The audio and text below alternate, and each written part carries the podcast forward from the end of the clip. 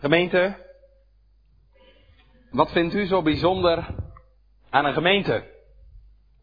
Nou, wat ik het bijzondere van een gemeente vind, en dat vind ik ook het mooie, is dat je te maken hebt met mensen van allerlei leeftijden. Waar kom je dat elders tegen? Bijna nergens. Je klas op school, jongelui. Dat zijn meestal jongeren van jouw leeftijd. Als je een cursus EHBO doet of reanimatie. Nou ja, dan kan de leeftijd wel variëren, maar dan zijn het nog altijd volwassenen. Waar kom je nou een groep mensen tegen waarin zowel kinderen als bejaarden zitten? Kom je volgens mij eigenlijk alleen maar in de kerk tegen. Het enige wat daar misschien een beetje op lijkt is een gezin. Een gezin, daar leven volwassenen en kinderen bij elkaar. Nou, dat is misschien wel een, een mooi beeld. Een gezin, een familie. De Heer heeft gewild dat de gemeente daar een beetje op lijkt. Het is mooi, zoveel leeftijden bij elkaar. Anderhalve week terug gaf ik catechisatie in een zaaltje in Hedel. En de ene avond had ik een groep jongeren van 12, 13 en de volgende middag zat ik met een groep van mensen op leeftijd met een bejaarde contactmiddag. Dat heeft iets moois. Het kan ook lastig zijn. Hoe moet je omgaan met mensen van zoveel verschillende leeftijden? Die in zoveel verschillende levensfasen zitten. Hoe moet je daar als voorganger mee omgaan?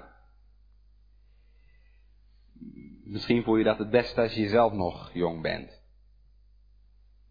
Het is maar regelmatig gebeurd dat bij een oudere kwam. En dat je soms echt moet zoeken naar woorden.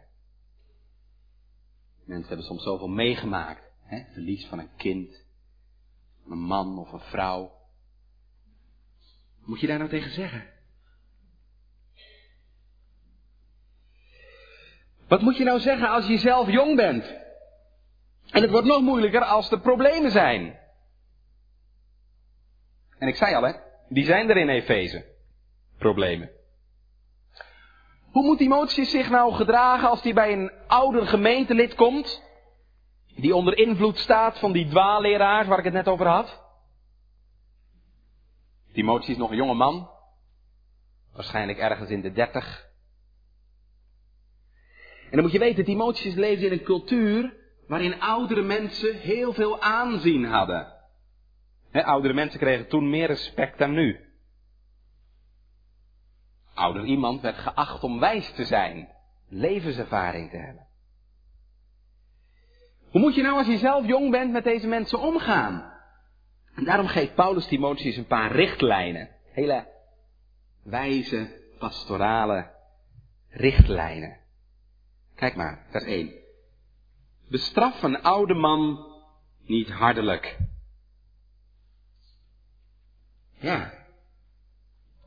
Soms moeten er duidelijke woorden gebruikt worden. Soms moet iemand bestraft worden. Vanwege zijn levenswandel of vanwege zijn gedrag. Hoe doe je dat nou? Niet hard, zegt Paulus. Wel eerlijk, maar niet hard. Timotheus, zegt Paulus, vermaan hem als een vader. Hoe zou je het zeggen, Timotheus, als je tegen je eigen vader zou moeten zeggen? Nou, dan denk je wel even na hè, hoe je dat brengen gaat. Eigen vader beledig je niet zomaar. Heb respect voor iemand die ouder is. Probeer het op een liefdevolle, eerlijke manier te zeggen. En we zeggen wel eens, het is de toon die de muziek maakt. Hoe breng je het? je kunt zo gemakkelijk over iemands gevoel heen walsen. Heel wat keren gebeurt in de kerk, met alle brokken van dien. En jonge mannen moet je behandelen als je broers. Dus als je gelijke. Niet vanuit de hoogte, maar alsof het je broer is. En oudere vrouwen moet je behandelen als je moeder. Welke man heeft er geen respect en liefde voor zijn moeder? Ik moet even denken aan Paulus zelf. Aan het einde van de Romeinenbrief staat zo'n hele lijst met groeten. Er moeten allemaal verschillende mensen gegroet worden. En in die lijst, in Romeinen 16 staat dat, heeft Paulus het over een zekere Rufus. En dan schrijft Paulus, groet Rufus, de uitverkoren in de Here, en zijn moeder en de mijne. Paulus kende die vrouw dus goed. Het was niet zijn echte moeder. En toch noemt hij haar mijn moeder. Vrouw dus waarschijnlijk die heel veel voor Paulus betekend heeft. Hij had er een bijzondere band mee. Hij noemt haar zijn moeder. Nou, zo zegt Paulus hier tegen Timotheus. Zo moet je omgaan met de oudere gelovige vrouwen. Als je moeder. En die jongere vrouwen? Nou, je moet je omgaan als je zusters. En Paulus zegt er dan bij, in alle reinheid.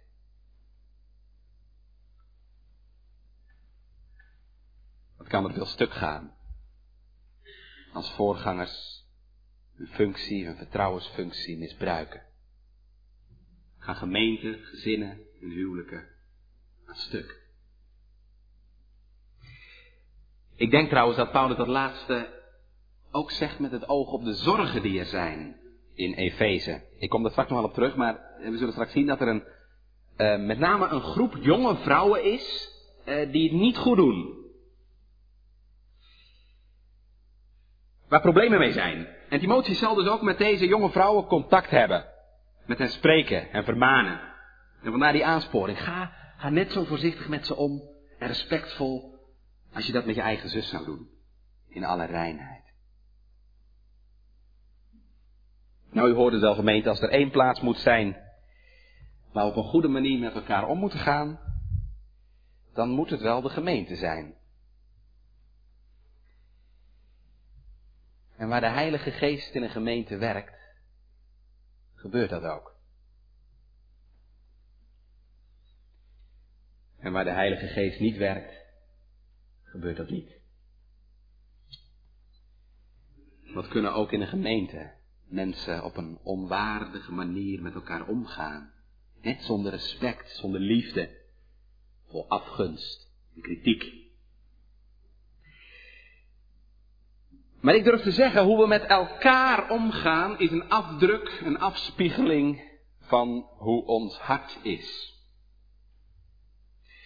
Want hoe je tegenover de Heer staat, bepaalt ook hoe je tegenover anderen staat. Even een voorbeeld. U weet allemaal hoe een hoofdletter T eruit ziet. Als je een T omdraait, dan heb je een plat liggend streepje en een streepje dat omhoog wijst. Nou, hou dat beeld maar vast. Zo moet het in ons leven ook zijn. Als de verhouding met de Heere goed is, dat is dat streepje omhoog dan komen de aardse verhoudingen ook goed te liggen. Dat horizontale streepje. Maar ga je aan die T draaien, dan liggen gelijk ook de verhoudingen met de anderen niet meer recht. Net het een is onlosmakelijk verbonden met het ander. Ik weet wel, gemeente, dat wij dit van nature niet bij ons hebben. Kerk is niet beter dan de wereld. Het enige verschil is dat we in de kerk wel weten hoe het moet. Hoe de Heer wil dat het moet. En door de genade van de Heer kan dat ook. Dat je jezelf leert verlogenen en een ander uitnemender achten dan jezelf. Gemeente, mijn ervaring is, je kunt heel veel van een ander hebben, als je weet dat die ander net als ik, uit Gods genade wil leven. kun je heel veel hebben. Dan kan het een ouder iemand zijn of een jonger iemand, of het kan een, iemand zijn die heel anders is dan ik ben. Dat is dan niet meer het belangrijkste. Je proeft wie de Heer voor die ander is, kun je veel hebben. Dan ben je aan dezelfde zaligmaker verbonden.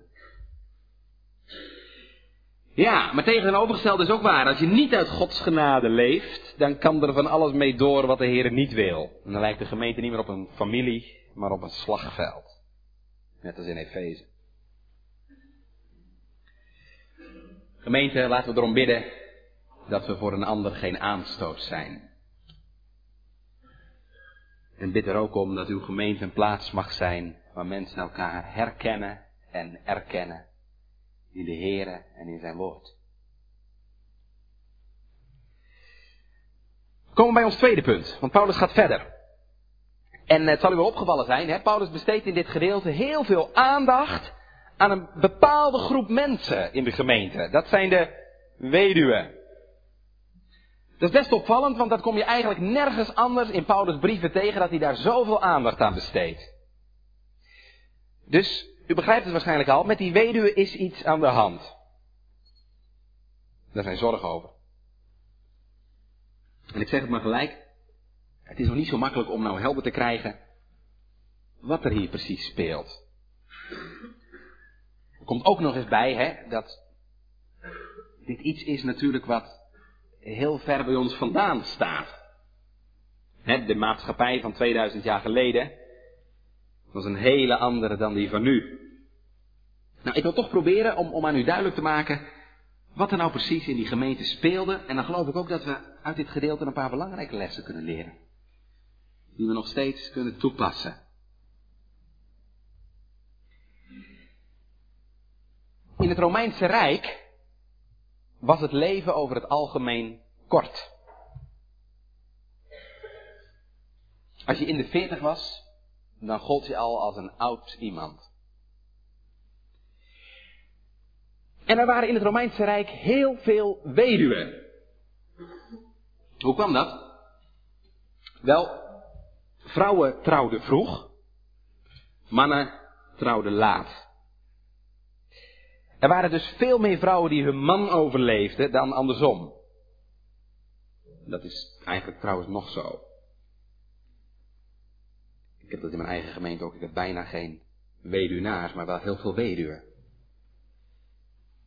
En er komt ook nog bij, de levensverwachting van, van mannen ligt over het algemeen iets lager dan dat van vrouwen. Dus je kunt zich voorstellen dat in zo'n grote stad, zo'n wereldstad als Efeze, daar liepen duizenden weduwen rond. En dus ook in de christelijke gemeente waren heel veel weduwen. Ja, hoe moet je er nou mee omgaan?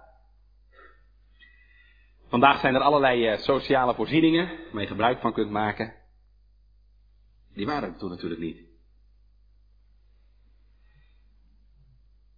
Als een weduwe kinderen had, dan was het de plicht van haar jongens, van haar zoons, om voor hun moeder te zorgen. Of, als je jong weduwe was geworden, en je ouders leefden nog, dan kon je terug naar je ouderlijk huis. En dan had je in elk geval zorg en bescherming. Maar als dat er niet was, of dat was er onvoldoende, dan, dan was je positie als weduwe ontzettend kwetsbaar. Als je nou een bemiddelde man had gehad, met veel geld, dan was dat misschien nog niet zo'n probleem. Maar als je niet bemiddeld was, kon het heel moeilijk zijn. Vandaar dat er in de Bijbel, zowel in het Oude als in het Nieuw Testament, ehm, er heel veel aandacht is voor die kwetsbare positie van de weduwe. Je leest in Deuteronomium 10, vers 18, dat de Heere de weduwe en de wees recht doet. De weduwe was kwetsbaar en er waren veel mensen die misbruik probeerden te maken van haar positie. Er had geen man die voor haar zorgde of die haar beschermde. En daarom zegt de Heer ook in Exodus 22, ge zult de weduwe nog de wees beledigen. En je mocht ook niet staat in Deuteronomium 24, het kleed van een weduwe als pand nemen. Weduwe genieten bijzondere bescherming van de Heer. Dat was in het Oude Testament en is in het Nieuw Testament niet anders. Het is niet voor niets dat de Heere Jezus de zoon van die weduwe uit na in opwekte uit de dood. Dat was haar enige houvast, haar enige levensbescherming. En als Jezus aan het kruis hangt, en hij ziet zijn moeder, Maria, in de verte staan, weduwe geworden. Dan roept hij het Johannes toe, Zoon, zie uw moeder. Zelfs in zijn sterven dacht hij nog aan een weduwe. En we lezen ook in het boek Handelingen dat in de eerste christengemeente in Jeruzalem er diaconale zorg was voor de weduwe. En daarom lees je ook in Jacobus 1 vers 27, ik vind dat altijd een hele confronterende tekst. De zuivere en onbevlekte godsdienst voor God en de Vader is deze. Weduwe en wezen bezoeken in hun verdrukking. Ik weet niet hoe het in de Maranatenkerk is. In mijn gemeente zijn veel weduwen.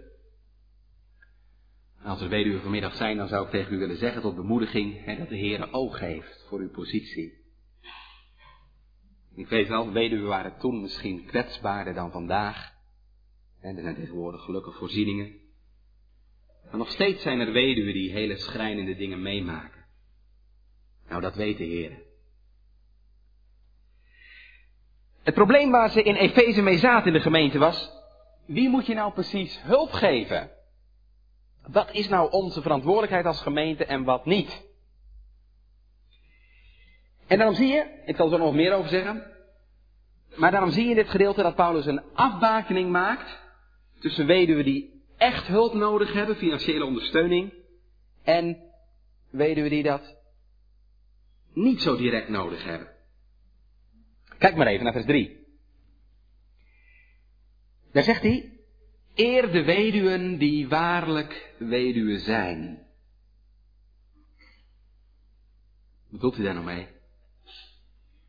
Eer de weduwen die waarlijk weduwe zijn. Als je weduwe bent, dan ben je toch weduwe? Nou, wat Paulus daarmee bedoelt, dat kun je lezen in vers 5. Dan moet je even verder lezen. Dan zegt hij dat nog een keer, hè, datzelfde. Die nu waarlijk weduwe is en alleen gelaten alleen gelaten. Het gaat hier dus om weduwen die het echt moeilijk hebben omdat ze alleen staan. Dat ze geen familie hebben die voor hen zorgt. Die moet je eren, zegt Paulus in vers 3. En eren betekent hier, daar moet je voor zorgen.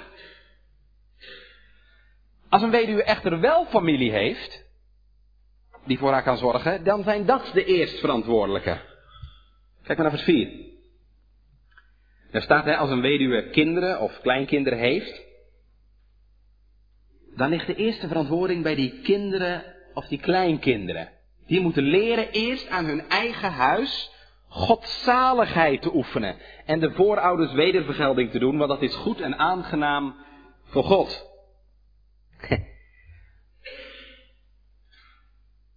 Moet je even opletten hoe Paulus dat noemt. Hij noemt dat godzaligheid doen.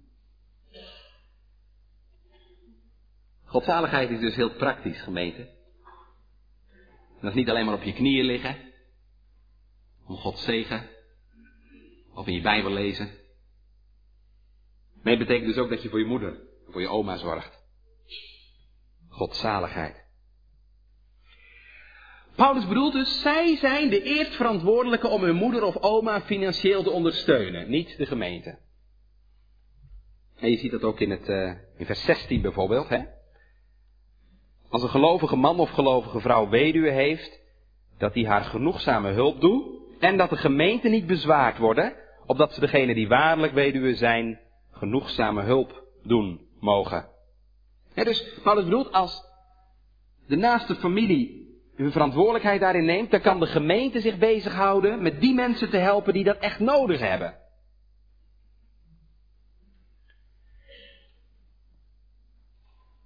Heel lang heeft de kerk die zorg ook op zich genomen. Vroeger ging het meeste geld van de diaconie vooral naar de eigen weduwe, naar de armen of naar de weeshuizen. Dat is nou een beetje anders. Hè? De staat, onze overheid heeft die verantwoordelijkheid op zich genomen. Maar ik denk nog wel dat hier een les in zit, gemeente. De les is, zie om naar de weduwe. Zorg voor hen. Financieel als dat nodig is, maar ook door naar ze om te zien. Het is nog niet zo heel lang geleden dat uh, kinderen een oude moeder of vader bij zich in huis namen. Dat gebeurt bijna niet meer. Ik heb dat nog wel meegemaakt in Hedel. Ik denk dat in de stad wat anders ligt. Hè? Tegenwoordig zijn er verpleeg- en verzorgingstehuizen. En veel bejaarden die zorg nodig hebben, komen daar terecht. En u zult mij ook niet horen zeggen dat we terug moeten naar vroeger. onze wereld is ook ontzettend veranderd. Uh, vroeger woonden hele families op een dorp. Kinderen, ooms en tantes, opa's en oma's. Dat is bijna niet meer zo. Bij ons in Hedel heb je dat nog wel een beetje. Een paar grote families. Die allemaal bij elkaar wonen. Eh, wat je tegenwoordig ziet is dat gezinnen en families vaak uitzwerven over het hele land. Het is niet meer vanzelfsprekend dat je kinderen om de hoek wonen. Maar vroeger kwam dat veel voor, dat uh, kinderen opa of oma in huis namen, bij hen inwoonden. Er waren toen nog niet de voorzieningen die er nu zijn. Dat is fijn aan de ene kant dat die voorzieningen er zijn, maar dat heeft ook nadelen. Um, ouderen kunnen in een bejaardencentrum ontzettend eenzaam zijn. Verplegend personeel heeft vaak weinig tijd. De zorg staat onder grote druk. Er zijn allerlei bezuinigingsrondes geweest. En dat betekent dat het werk door minder mensen gedaan moet worden. Het personeel wil wel, maar heeft lang niet altijd de tijd om een stukje aandacht te geven. Eh, wat je ook ziet de laatste jaren is dat de geestelijke zorg wordt ingekort. Predikanten in een tehuis komen niet zelf meer bij de mensen langs, maar dan moet je zelf om vragen. En er zijn heel wat ouderen die, ook al hebben ze kinderen, soms bijna geen bezoek krijgen. De kinderen wonen verder weg. Mensen zijn druk. Mensen hebben dubbele banen. Er komt er bijna niet meer van om eens even op bezoek te gaan. We leven in een hele individualistische maatschappij en dat trekt ook hier zijn sporen. U kunt zich misschien nog wel herinneren dat er een paar jaar geleden zo'n zo'n hittegolf was. In Frankrijk, waarbij heel veel bejaarden in Parijs kwamen te overlijden. En wat uh, schokkend was, u hebt dat misschien wel gelezen toen in de krant. Dat de verschillende bejaarden begraven werden zonder dat hun eigen kinderen erbij waren. Ik moet u eerlijk zeggen, dat heb ik ook al eens meegemaakt als predikant. De kinderen er niet eens bij zijn. En wat nog erger was, toen het gemeentebestuur eh, van, uh, van Parijs een rekening stuurde aan de kinderen om een bijdrage te vragen voor de begrafeniskosten, waren er mensen die de rekening terugstuurden. En zeiden dat ze zich niet verantwoordelijk voelden voor hun ouders. En dus ook niet wilden meebetalen in de kosten. Daar zijn mensen toe in staat. Paulus houdt ons vanmiddag wat anders voor. Kijk maar even naar vers 4. Eh, daar staat dat je je voorouders wedervergelding moet doen. Want dat is goed en aangenaam voor God. Doe je voorouders wedervergelding. Dat betekent geef ze wat terug. Geef ze wat terug voor alles wat ze voor jou gedaan hebben. Ze hebben je het leven gegeven. Hoeveel nachten hebben ze niet bij je opgezeten? Of bij je gewaakt toen je ziek was? Ze hebben zorg gegeven. Geld, aandacht. Moet je wat voor terug doen? Dat moet zelfs. Paulus zegt in vers 8, hè. Als iemand de zijnen en voornamelijk zijn huisgenoten niet verzorgt, die heeft het geloof verlogend en die is erger dan een ongelovige. Zelfs in die heidense Romeinse wereld werd voor ouders gezorgd. Hoeveel te meer moeten christenen dat doen?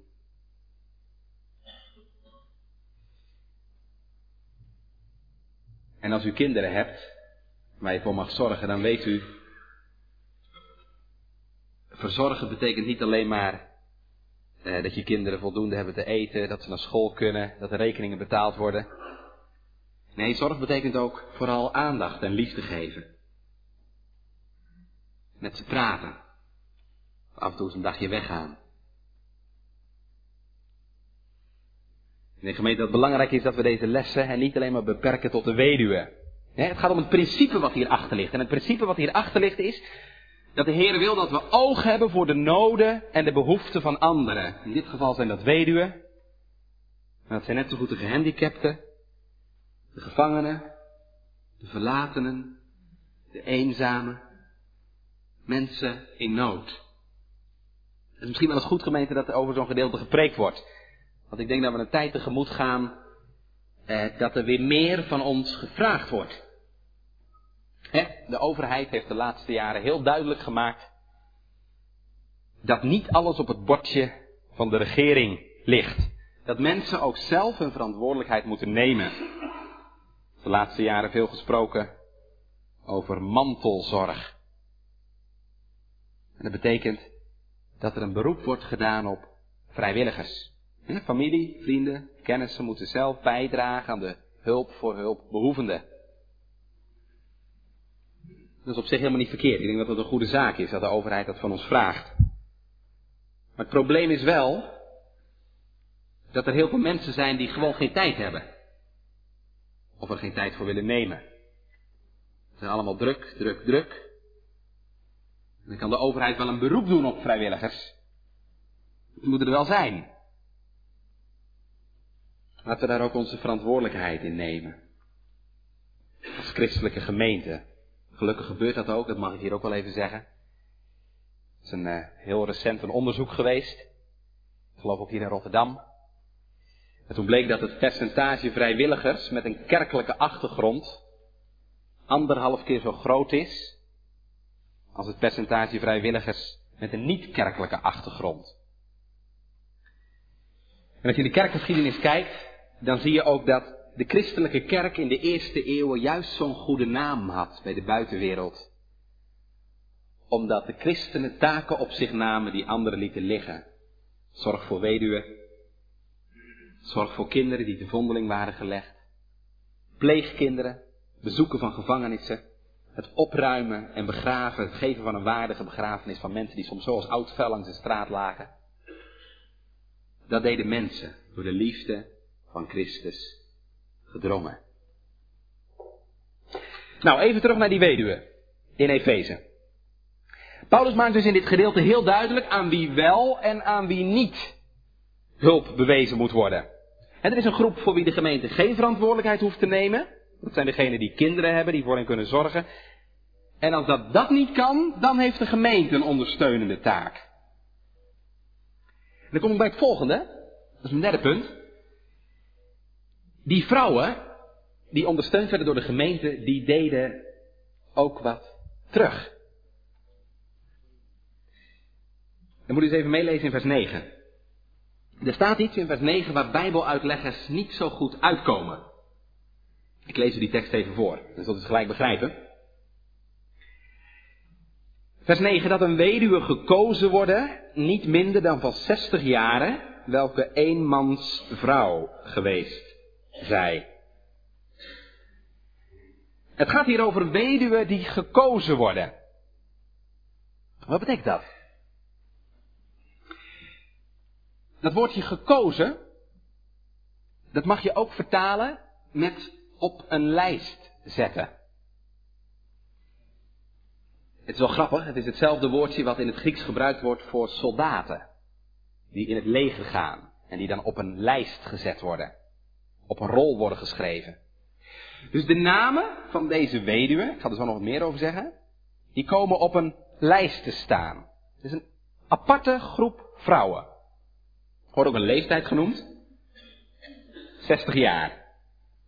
En wordt ook nog bijgezegd in vers 9, ze is vrouw van één man geweest. Ze is dus niet getrouwd. Moet je nou hierbij voorstellen? Groep vrouwen, ondersteund door de gemeente die op een lijst staan. Die komt er ook niet zomaar op, hè, op die lijst. Er zijn bepaalde voorwaarden aan verbonden. Kijk nog maar even mee, hè, vers, eh, vers 10 bijvoorbeeld. Er staan nog een paar vereisten. Het moet een vrouw zijn die respect geniet. Het moet een vrouw zijn die goede werken doet. Ze moet eh, kinderen hebben opgevoed. Um, ze moet herbergzaam zijn. Die had vaak rondtrekkende predikers en evangelisten. Die hadden natuurlijk onderdak nodig. Ze heeft de voeten van andere gewassen, staat er. Het is dus iemand die bereid is om nederig werk te doen. Ze is bereid om zichzelf te verloochenen. Ze heeft de verdrukte geholpen. Gemeente, het zijn dus vrouwen waarvan duidelijk is dat ze de Heer lief hebben boven alles en hun naaste als zichzelf. Ze hebben de voeten van anderen gewassen. Wie deed dat ook? De Heer Jezus. Slavenwerk.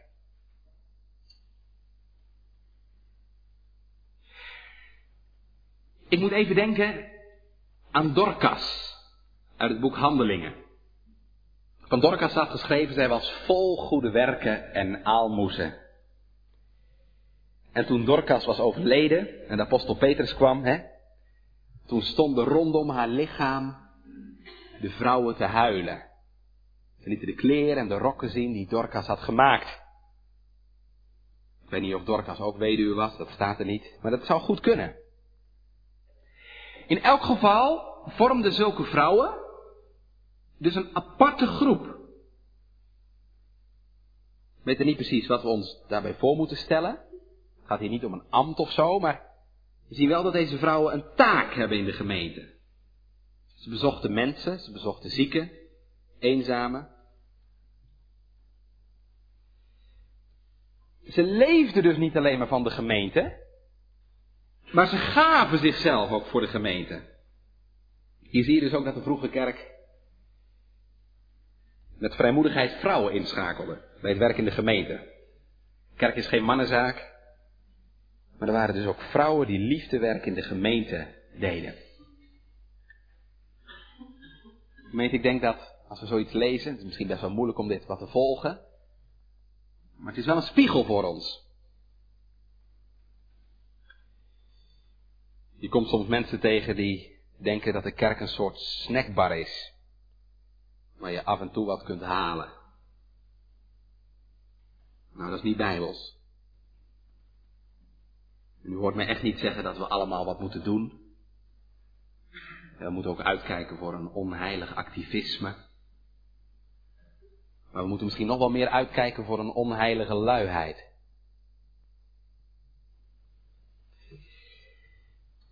Er wordt soms wel eens verzucht, hè, dat uh, als er iemand gevraagd wordt voor een taak in de gemeente, dat je altijd bij dezelfde mens uitkomt. Dat is jammer. Ik geloof dat als je door een waar geloof in Christus ingelijfd bent, dat je ook goede vruchten zult dragen en dat je ook een verlangen hebt om de Heer te dienen. Zou het misschien daarop vastzitten? Dat we de Heer niet dienen. Je niet ingeleid bent door een waar geloof. Het is niet zo dat als je heel veel doet in de gemeente, eh, dat dat eh, allemaal goede vruchten zijn. We kunnen heel ijverig zijn, zonder dat we de Heer vrezen. Maar ik geloof wel dat als we de Heer vrezen, krijgen we ook de gemeente lief. En dan willen we ons inzetten voor zijn koninkrijk. En dat kan soms ook in alle stilte. En we hebben niet alleen maar werkers nodig, maar net zo hard bidders. Die voortdurend om de zegen van de Here vragen. deze vrouwen in Efeze gemeente, dat waren bidders en werkers tegelijk. En kijk ook maar even naar vers 5. Daar staat, ze hopen op God en blijven in smeking en gebeden, nacht en dag. Ja, en dan is er ook een groep vrouwen in dit gedeelte. Waar Paulus van zegt hè, in vers 11, die moet je niet op zo'n lijst zetten. Dat zijn de jonge weduwen. Neem de jonge weduwe niet aan. Die mogen dit werk dus niet doen. En het zal u misschien al opgevallen zijn bij het lezen. Je, je hoort wel dat Paulus behoorlijk kritisch is over deze groep jonge weduwen. Waarschijnlijk hebben ze daar wat negatieve ervaringen mee gehad. In Efeze. En hij zegt in vers 11. Um, want als ze weelderig geworden zijn tegen Christus, zo willen ze huwen. Als zij in die speciale groep zitten waar ik het net over had, die groep die een taak heeft in de gemeente, dan bestaat er de kans dat ze alsnog willen trouwen. En daar is niks verkeerds aan, dat mag.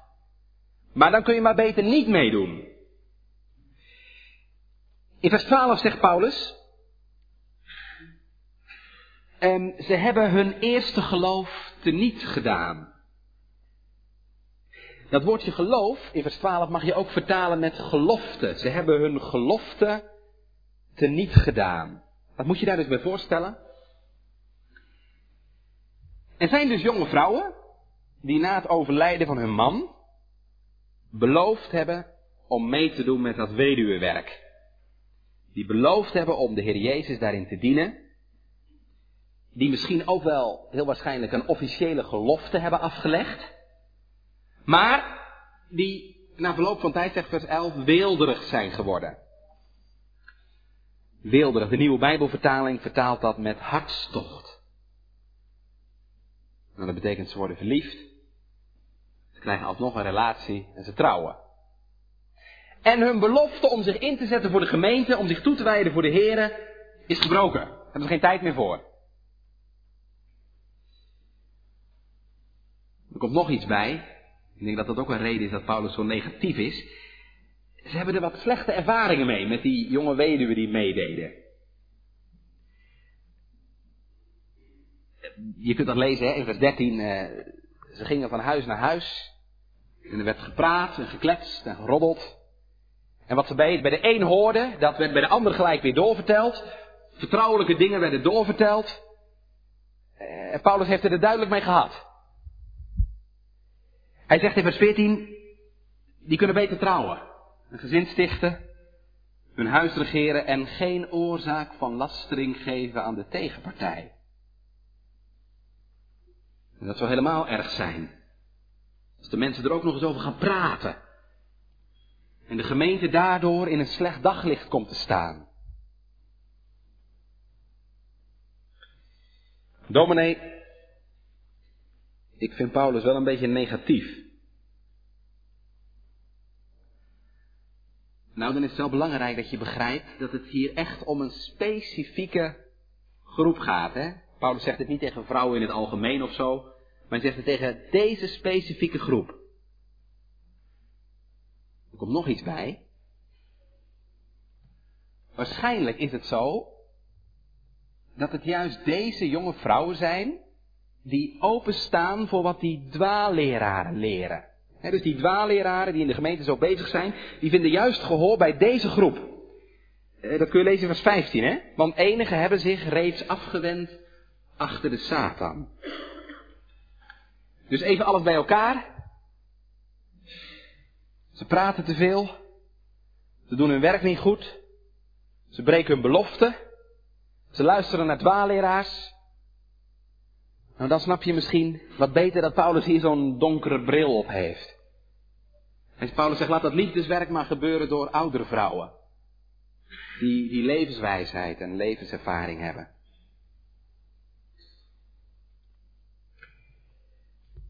We gaan afronden. U dacht misschien vanavond, wat moet ik hier nou mee?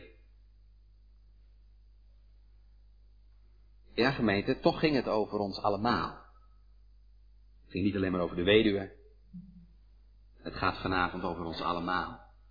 Wij worden allemaal als leden van de gemeente op onze taak gewezen. Eh, en ik hoop dat het u duidelijk is dat de dienen van de Heer heel wat praktischer is dan wat wij er vaak van maken.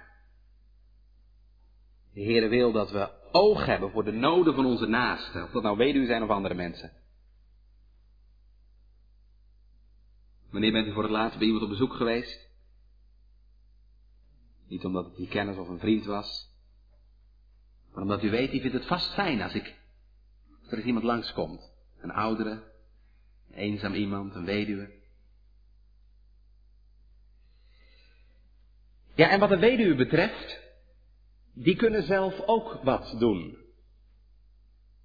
De Heer heeft een hoge roeping voor u. We hebben vanavond gehoord dat weduwen echt een zegen kunnen zijn voor de gemeente. Bent u zo'n weduwe? Paulus geeft de weduwe een advies, een raad. En het laatste, waar ik nog even wat over wil zeggen. Kijk nog even naar vers 5. Die nu waarlijk weduwe is en alleen gelaten, die hoopt op God. En blijft in smeking en gebeden, nacht en dag. Dat is de weg die Paulus weduwe wijst.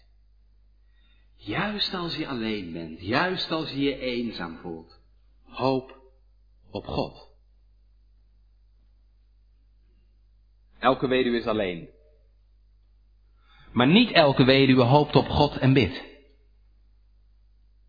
En dat is wel de weg die de Heer ons wijst. We hebben het gehoord, de Heer heeft een ruim hart voor weduwen. Daar is de Bijbel heel duidelijk in.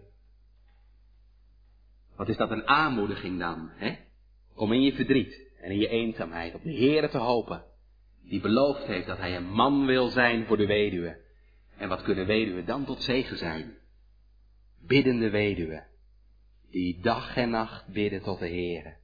Voor jezelf, voor je gezin, voor je gemeente.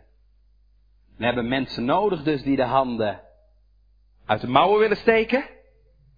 Maar we hebben net zo goed mensen nodig die de handen willen vouwen. Ik ken zo'n weduwe. En u ook. Juist nu de adventstijd begonnen is, wil ik haar even noemen. Anna. En er was Anna, een profetes, een dochter van Fanuel uit de stam van Azer. Deze was tot grote ouderdom gekomen, die met haar man zeven jaar had geleefd van haar maagdom af. En ze was een weduwe van omtrent 84 jaar, die niet uit de tempel week met vasten en bidden, God dienende, dan komen dezelfde woorden, nacht en dag. We hebben weduwe nodig, net als Anna, die de Heere diende, nacht en dag. Hoe kan dat nou, dominee? Nacht en dag. 200 jaar geleden zat er in Londen is een groep dominees bij elkaar. Met elkaar te praten en te discussiëren. En dat gesprek, dat ging over het gebed. En die predikanten die hadden met elkaar over de vraag, hoe kan dat nou? Hoe kun je nu altijd bidden, dag en nacht, zoals de Bijbel zegt? Je moet toch ook werken? Toch je gezin? Toch bezig zijn? En toen was er in die ruimte, waar die dominees aan het praten waren, een weduwvrouw bezig. Die stond te luisteren, als een vrouw die de Heer vreest. Ze liep naar die predikanten toe. En ze vertelde, dat kan. Als ik s'morgens mijn ogen open, dan bid ik, Heere, open de ogen van mijn verstand zodat ik de wonderen van uw woord mag zien. En als ik me dan aan ga kleden, dan bid ik, Heere, kleed mij in het kleed van de gerechtigheid en versier me met de mantel van uw heil. Als ik me dan ga wassen, dan bid ik, Heere, was mij in de fontein die geopend is voor de zonde en de onreinheid.